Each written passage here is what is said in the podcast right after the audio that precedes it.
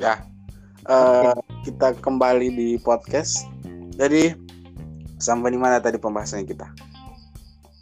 Sampai di itu RUU HIP. RUU HIP kayaknya sudah perlu kita bahas karena Setelah. sudah kita tahu bahwa makna politiknya di situ terselubung di situ. Nah, yang akan saya lagi, uh, bagaimana sih uh, siasi atau langkah politik antum untuk menyebarkan pemikiran Islam di daerah antum. Nah, ini ini cocok sekali. Hmm. Untuk di daerah masing-masing ya. Iya, ini daerah lagi dibahas. Tadi kan nasional ini daerah lagi.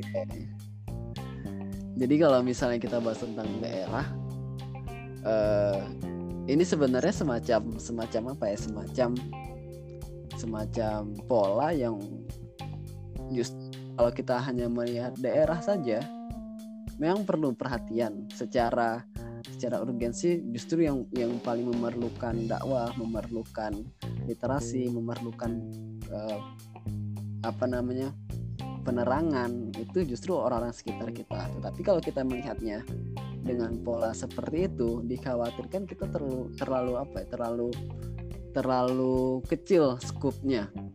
Tuh. Tapi dari segi strategi, dari segi, strategi rasanya sama saja yang membedakan kan adalah kita itu melakukannya itu secara bersama-sama. Nah, beda dengan daerah itu kita bisa lakukan secara individu.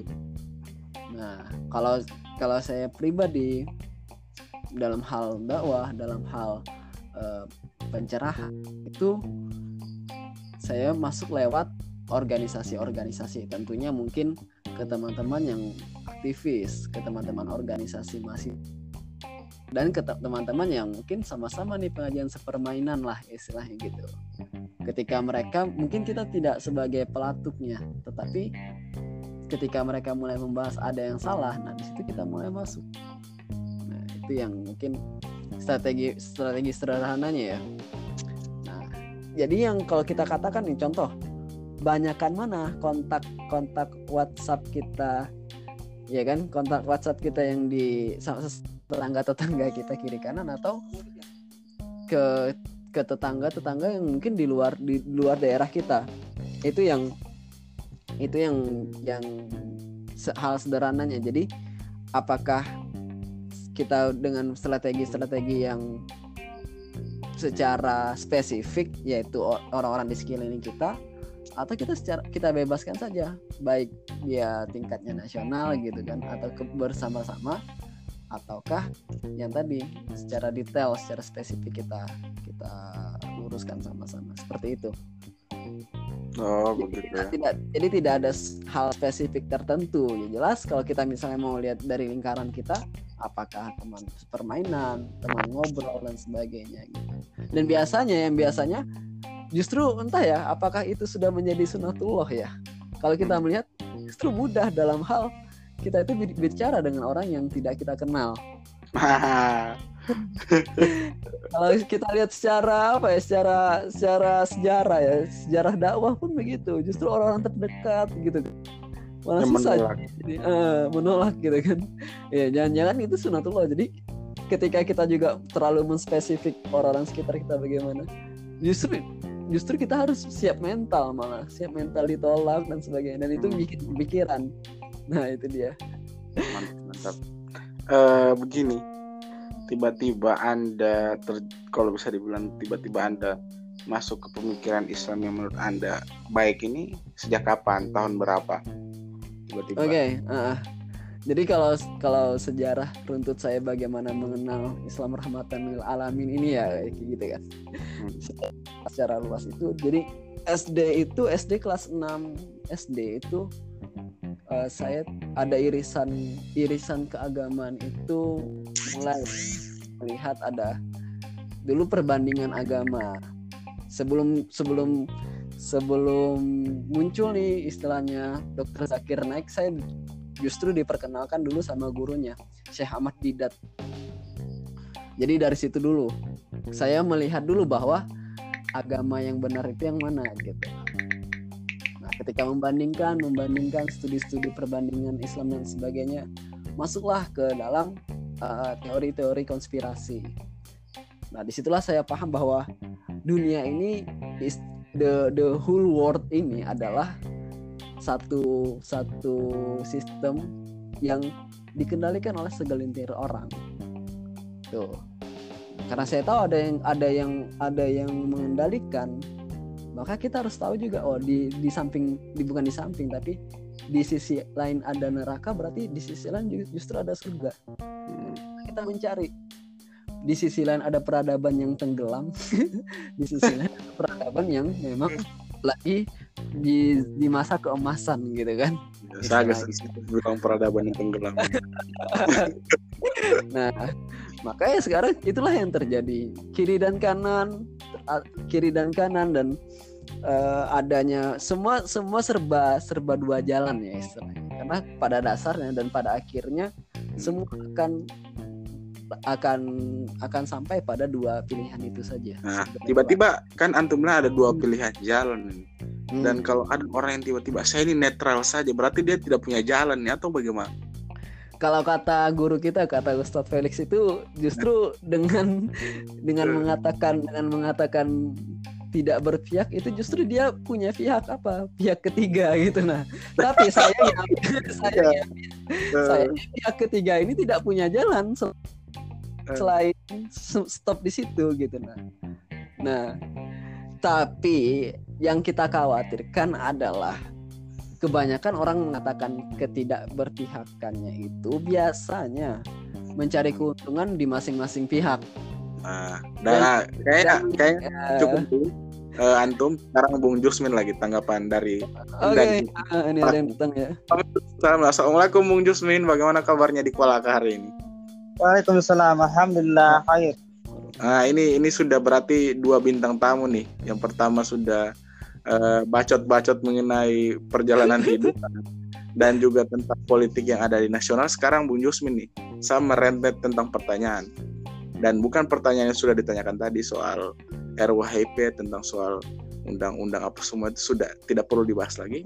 Menurut saya podcast ini agak terbuka dan ya bagaimana ya untuk runutannya begini pertanyaan kepada Bung Yusmin untuk sesi pertama ini. E, bagaimana tanggapan antum soal akan diberlakukannya kembali pembukaan sekolah dasar di tempat-tempat di seluruh Indonesia. Ya, silahkan. Pandangan politiknya antum bagaimana? Monggo. Ya, Bismillah. Uh, Alhamdulillah, salatu wassalamu ala wa ala wa man wala. La hawla wa la quwata illa billah. Rabbi syarah li wa yassir li amri wa hlul 'uqdatam min lisani yafqahu qawl. Uh, masalah ini ya, sekolah dasar Nah, yang kita lihat sih faktanya sebenarnya uh, pembukaan sekolah dasar ini tidak terlalu uh,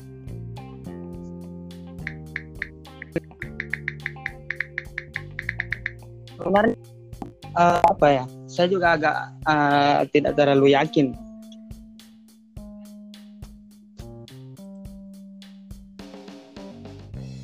Kenapa, Bung? suaranya agak-agak tidak kedengaran. Kenapa kenapa? Tidak yakinnya bagaimana?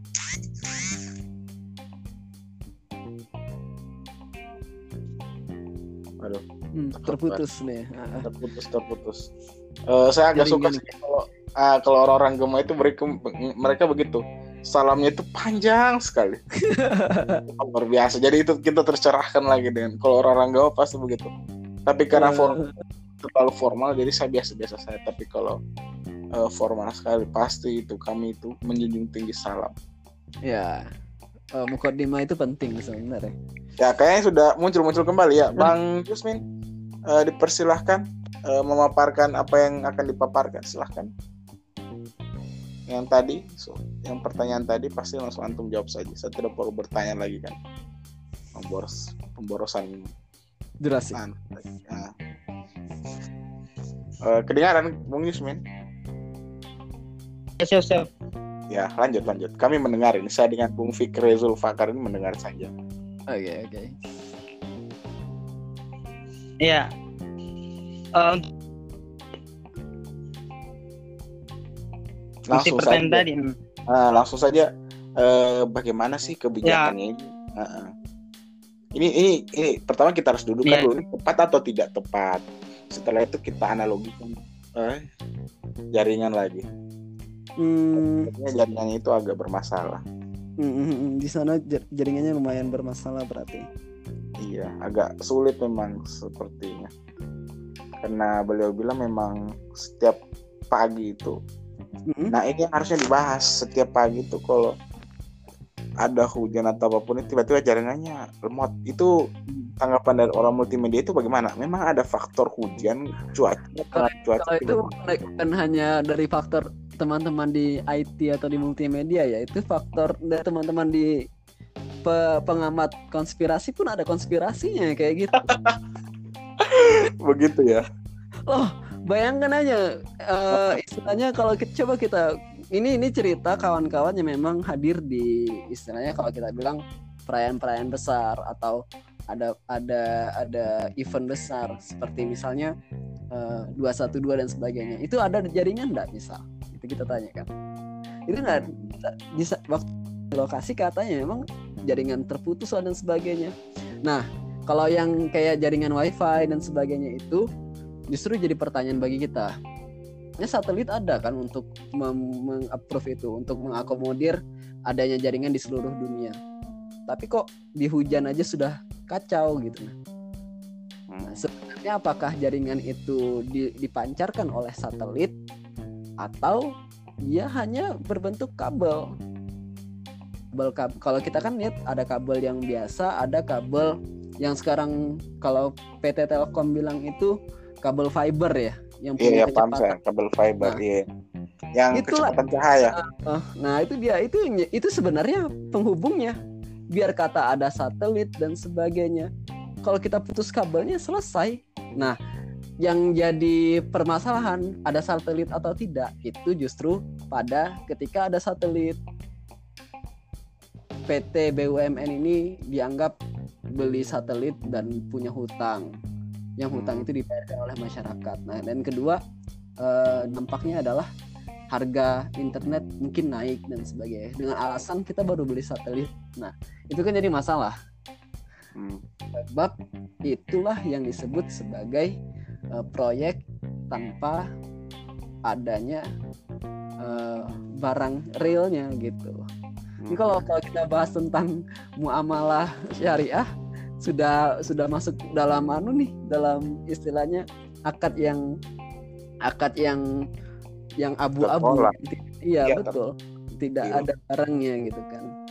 Terus saya rasa kayak gitu. Nah kalau kita lihat mungkin hujan cuaca tuh berpengaruh sebab ya namanya yang namanya transfer data, transfer kecepatan itu juga tidak bisa lepas dari eh, faktor-faktor cuaca. Oh, tiba-tiba antum dari konspirasi langsung ke ilmiah luar biasa. jadi konspirasi, jadi konspirasi itu sederhananya adalah pemikiran kritis yang tidak menganggap semuanya itu baik-baik saja, guys. Skeptis, Oh, gitu ya. skeptis dalam hal apa yang ditawarkan oleh oh ya memang pada dasar kita tidak tidak bisa mempercayai apa yang sekarang kita lihat gitu kan. Hmm. Gitu. Cuma kalau kata saya kutip dari kata guru saya ini, Prof. Dr. Fahmi Amhar ini, Hmm. eh, dia itu pernah menguji orang-orang yang suka apa namanya? Eh, kalau Nggak bisa konspirasi. dan Ah.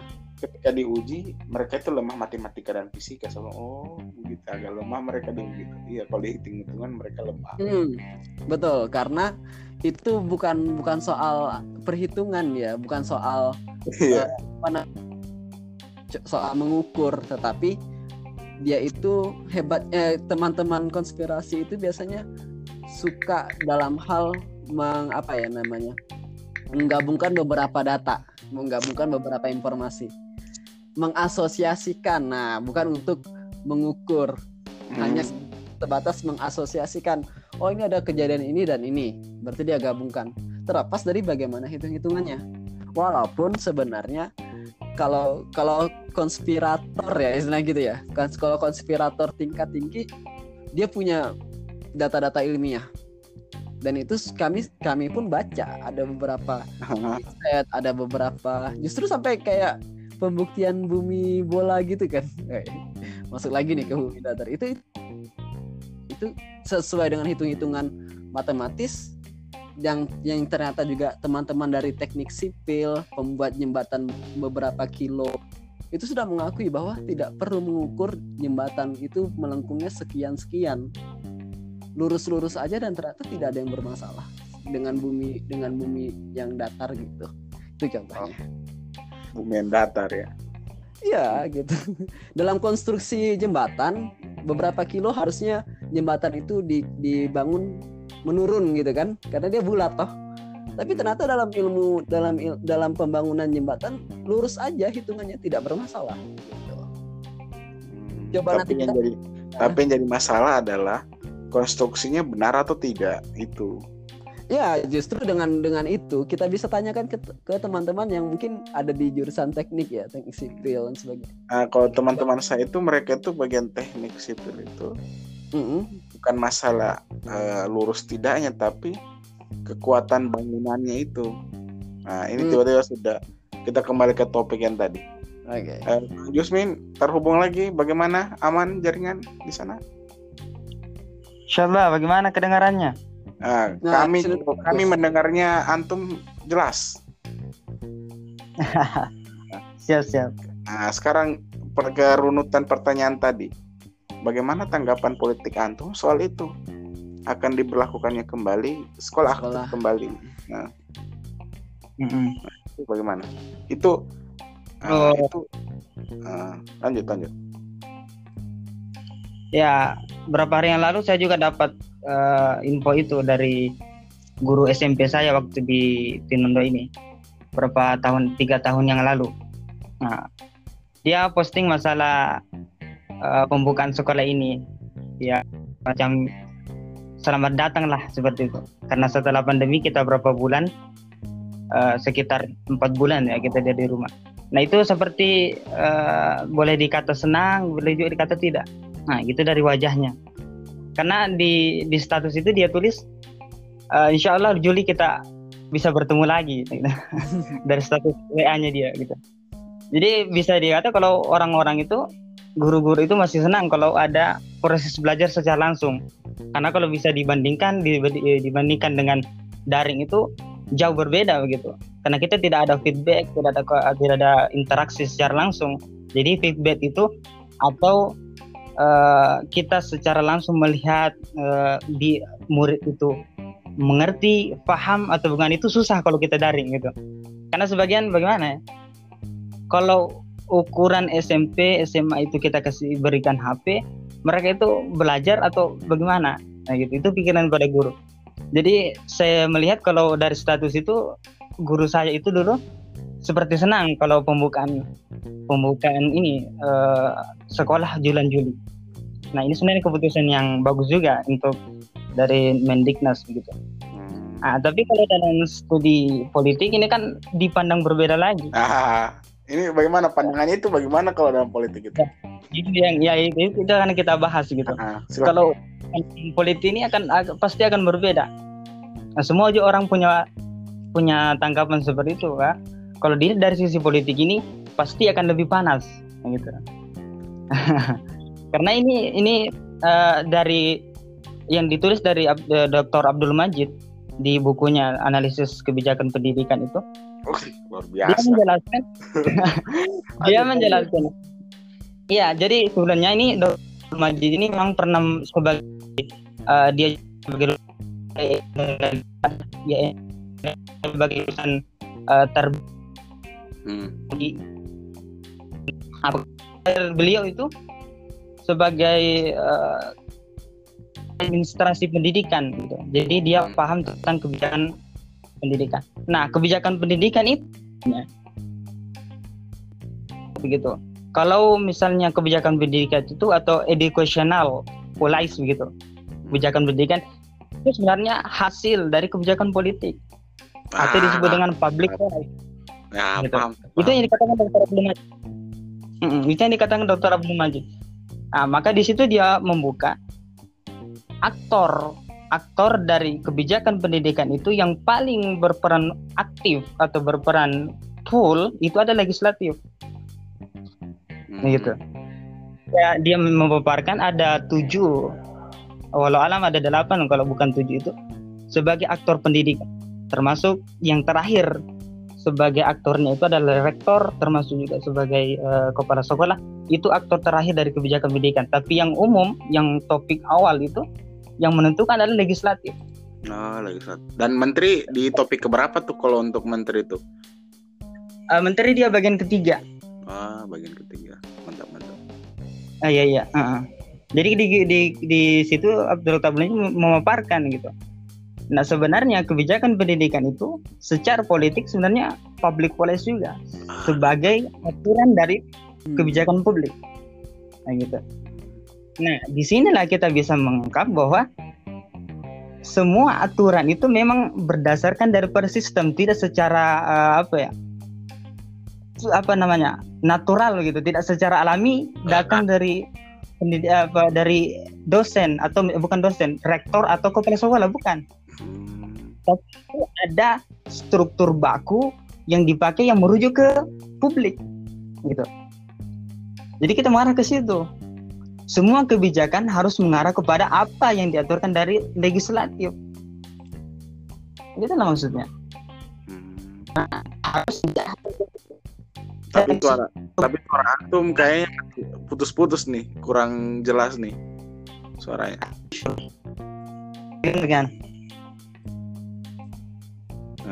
agak aneh iya agak aneh agak ya. oke sudah sudah ya. sudah sudah bagus. Begitu. Hmm. jadi ikut secara politik jangan aktor pertama berarti kalau kesalahan pendidikan itu harus diarahkan kepada legislatif secara politis oh, oh, oh begitu. Iya karena di legislatif itu ada komisi tentang pengenalan pendidikan. Masalah tentang pendidikan pasti ada. Komisi pendidikan itu ada. Uh -uh.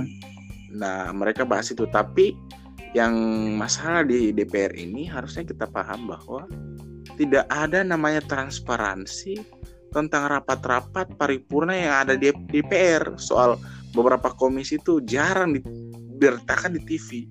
Coba kalau kita yeah. lihat, yang ada itu hanya di TV parlemen dan TV parlemen itu tidak semuanya di stasiun televisi itu ada. Itu itu harusnya itu yang kalau bisa dibilang ada upaya penutupan apa ya eh, rapat-rapat yang penting dalam kalangan DPR. Padahal masalah pengambil antum tadi masalah kebijakan uh, pendidikan itu masalah DPR legislatif dan kalau misalnya mereka hanya rapat tertutup tidak diberitahukan kepada rakyat, apakah itu bisa dibilang bisa mewakili rakyat di depan publik dengan baik dan benar? Kan tidak. Itu bagaimana? Atau saya salah memberikan statement ini? Iya iya. Iya uh, sisi pandangannya kan agak berbeda ya sebenarnya. Kita harus mengarah ke satu topik gitu. Hmm. nah kalau kita meng, uh, menyerahkan kepada siapa dulu? Kalau kita hanya sebatas misal sebagai guru ya kita menuntut kepada kepala sekolahnya gitu. Iya yeah, iya. Yeah. siswa kita menuntut kemudian guru itu menuntut ke kepala sekolah. Nanti kepala sekolah ke diklat gitu Nah, tuntutan itu yang harus kita lihat. Maka sebenarnya kalau misal kita sebagai guru, yang kita kritisi itu sebenarnya kebijakan dari uh, kepala sekolahnya gitu. Oh, begitu. Dan kita memposisikan, nah kita misalnya mau mengkritik aksi pendidikan berarti harus mengarah ke bagi sebagai pembuat peraturan daerah atau peraturan uh, wilayah peraturan pusat. Jadi, nah, tapi kalau misalnya kita guru, iya kalau kita kepala sekolah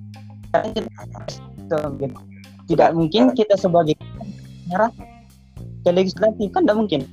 Oh iya iya paham saya paham sudah kalau saya, saya sudah dapat konsepsinya soal tentang penanganan iya, ini. Iya. Uh, ada berarti kalau bisa dibilang kekeliruannya menteri tiba-tiba langsung membuka sekolah kan karena dari kebijakan politik itu salah. Itu. Yeah.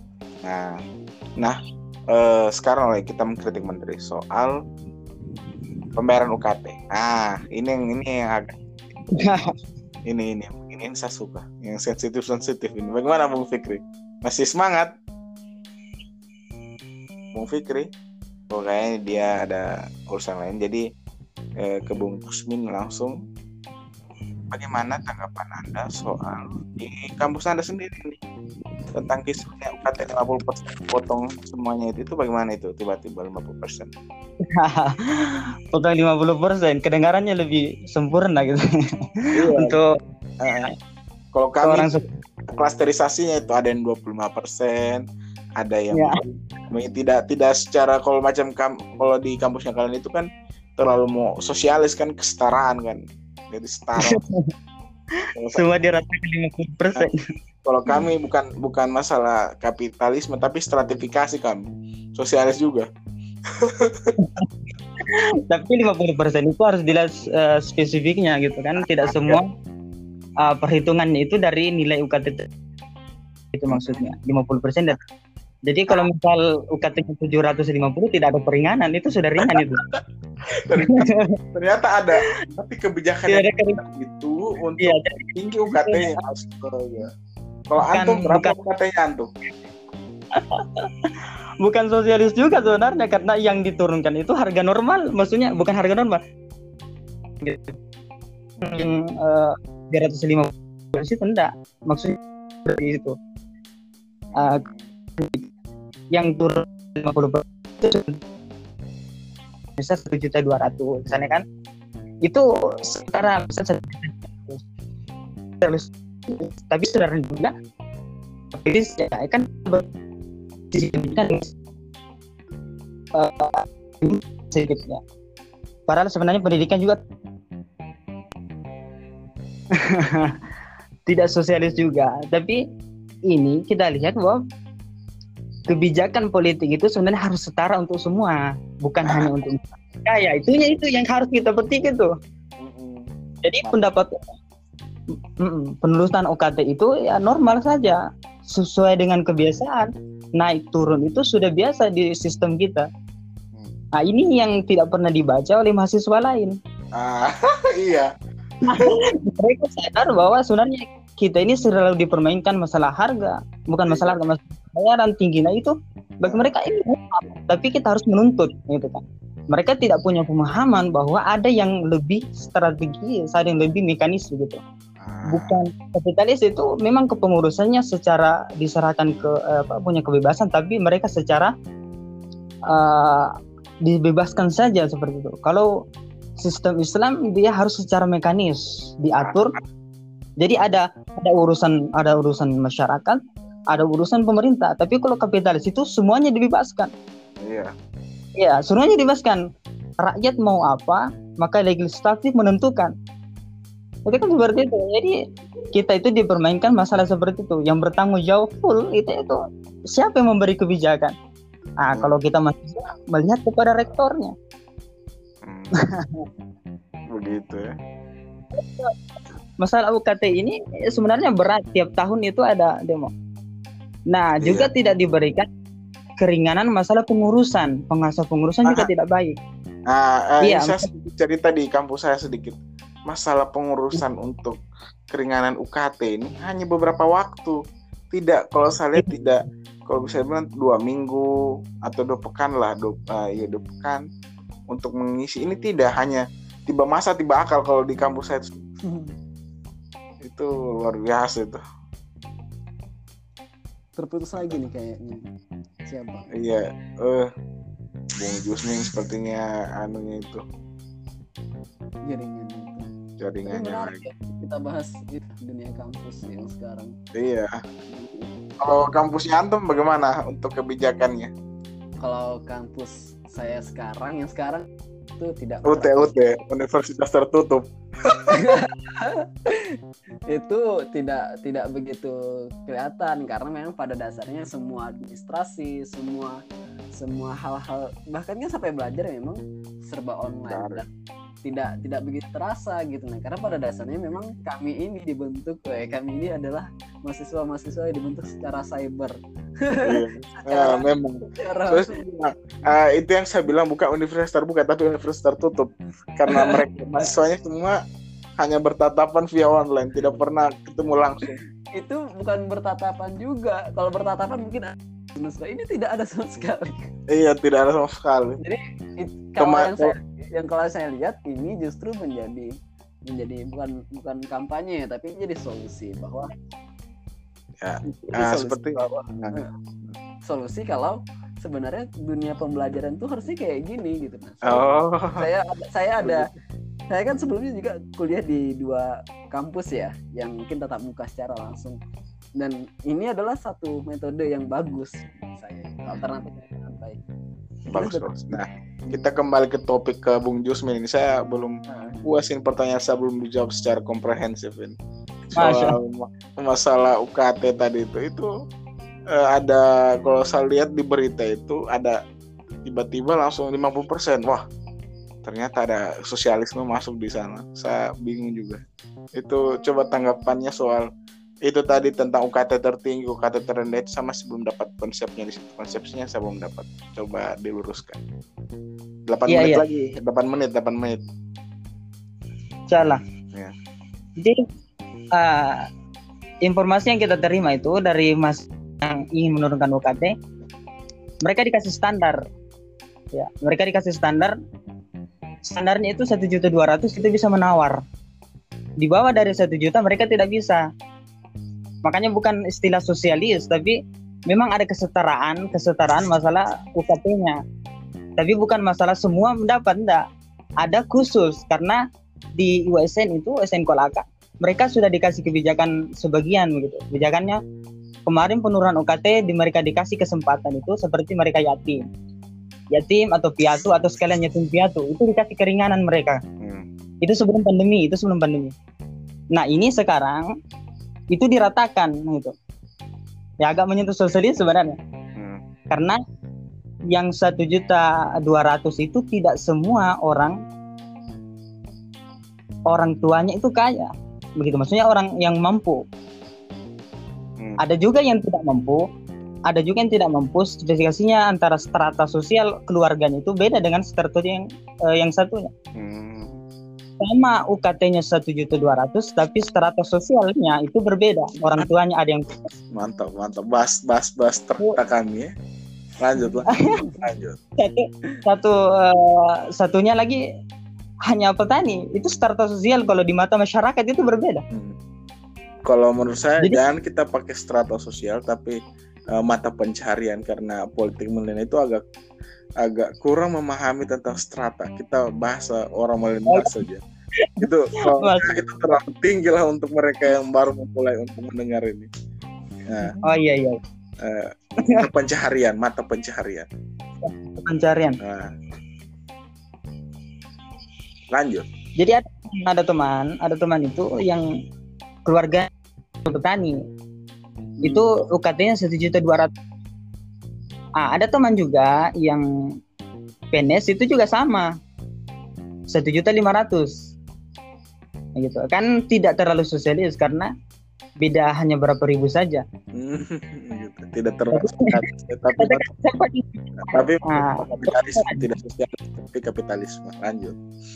kita ini kita tuh bingung dengan kebijakan kadang dia sosialis kadang juga dia berbau campur gitu mana namanya Iya. tidak punya tidak punya udah udah kayak gado-gado aja ya campur. Iya. kadang baunya kalau kita analisis kadang dia seperti sosialis karena ada Eh. kesetaraan kadang ini tapi ini jadi dia hambar Yang saya dapat ini, yang saya dapat ini ada suatu eh, apa birokrat itu tiba-tiba eh, tiba-tiba langsung membuat statement 50%, tapi ada Iya. tapinya. Ada klasternya, ada pengklasifikasian saya bilang, ini maksudnya apa ini tiba-tiba ya kesetaraan? benar Ada klaster ya itu saya kapasian ada pembagian kacau, kacau. Lanjut, lanjut. Ya, nah yang kan tapi eh, keruwetannya itu bukan sampai di situ saja, susahnya sam- bukan sampai di situ. Nah, ada keinginan kita untuk menurunkan UKT, tapi kesusahannya bukan sampai di situ. Kita harus hadapi lagi masalah berkas, gitu kan. Nah, saya dapat data kemarin, berkas eh, syarat itu untuk penurunan UKT berkasnya ada lima kalau tidak salah. Harus ada foto eh, pas foto tiga kali empat ya ada ada fotokopi kartu keluarga ada fotokopi slip itu ada lima itu syarat harus dipenuhi. Nah saya tanya bagaimana bisa dipenuhi atau tidak? Dia bilang ruwet katanya. terlalu banyak uh, kalau kita istilah Sulawesi deko-dekonya terlalu banyak terlalu banyak terlalu banyak neko-neko. neko-neko. Kalau kita deko-deko terlalu banyak maunya gitu. Memang... kita kedengarannya ingin gitu, tapi kayaknya kayak ini tidak niat. Nah, kalau saya lihat konsepsi birokrat sekarang itu, kalau bisa dipermudah mahasiswa, eh kalau bisa dipersulit masuk, kenapa harus dipermudah? Nah, ini nih konsep yang begini yang keliru. yang begini. Iya, iya. Dan kalau menurut saya, eh, saya minta closing statement lah dari Bung Jusmin. Iya. Tiga menit. Selesai nih roomnya ini dua menit ya. dan satu menit saya penutupan. Nah ya, ya yang penting itu uh, kita posisikan diri kita sebagai apa? Ketemu uh, hubungan apa namanya?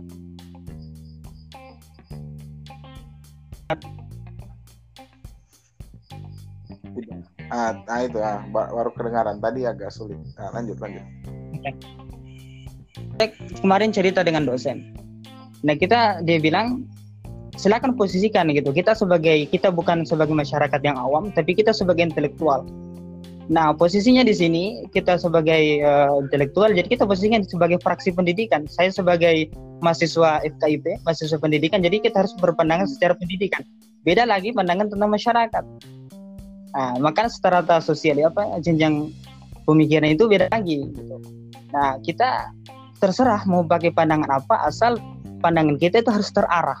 Kita posisi kita sebagai masyarakat harus punya pandangan terarah juga. Sebagai intelektual punya pandangan terarah juga. Jadi apa saja harus punya pandangan terarah. Kita tidak boleh hambar dalam memandang masalah gitu. Oh, tidak. luar biasa statementnya Antum ini tidak boleh hambar. Dapat lagi baru. ke, uh, tidak boleh ke ini, tidak boleh berpihak kepada kita gitu. Kita harus berpihak kepada kemaslahatan. Ah, gitu. kemaslahatan semua orang itu bisa merasakan gitu. Bukan merasakan kesetaraan kita tapi memang tuntutan. Apa tuntutannya? Sesuai keyakinan kita. Apa akidah kita? Oh, ya gitu. Gitu. sudah. Mantap mantap. Saya rasa cukup untuk closing statementnya. Jadi uh, terima kasih. Jazakallah khairan untuk uh, teman-teman yang menjadi bintang tamu di podcast ini. Uh, demikianlah untuk podcast malam ini diskusi politik uh, dengan mengucapkan alhamdulillah saya tutup dengan doa kafaratul majelis subhanallah astagfirullah Uh, Wassalamualaikum warahmatullahi wabarakatuh. Terima kasih atas kedatangannya. Waalaikumsalam warahmatullahi wabarakatuh.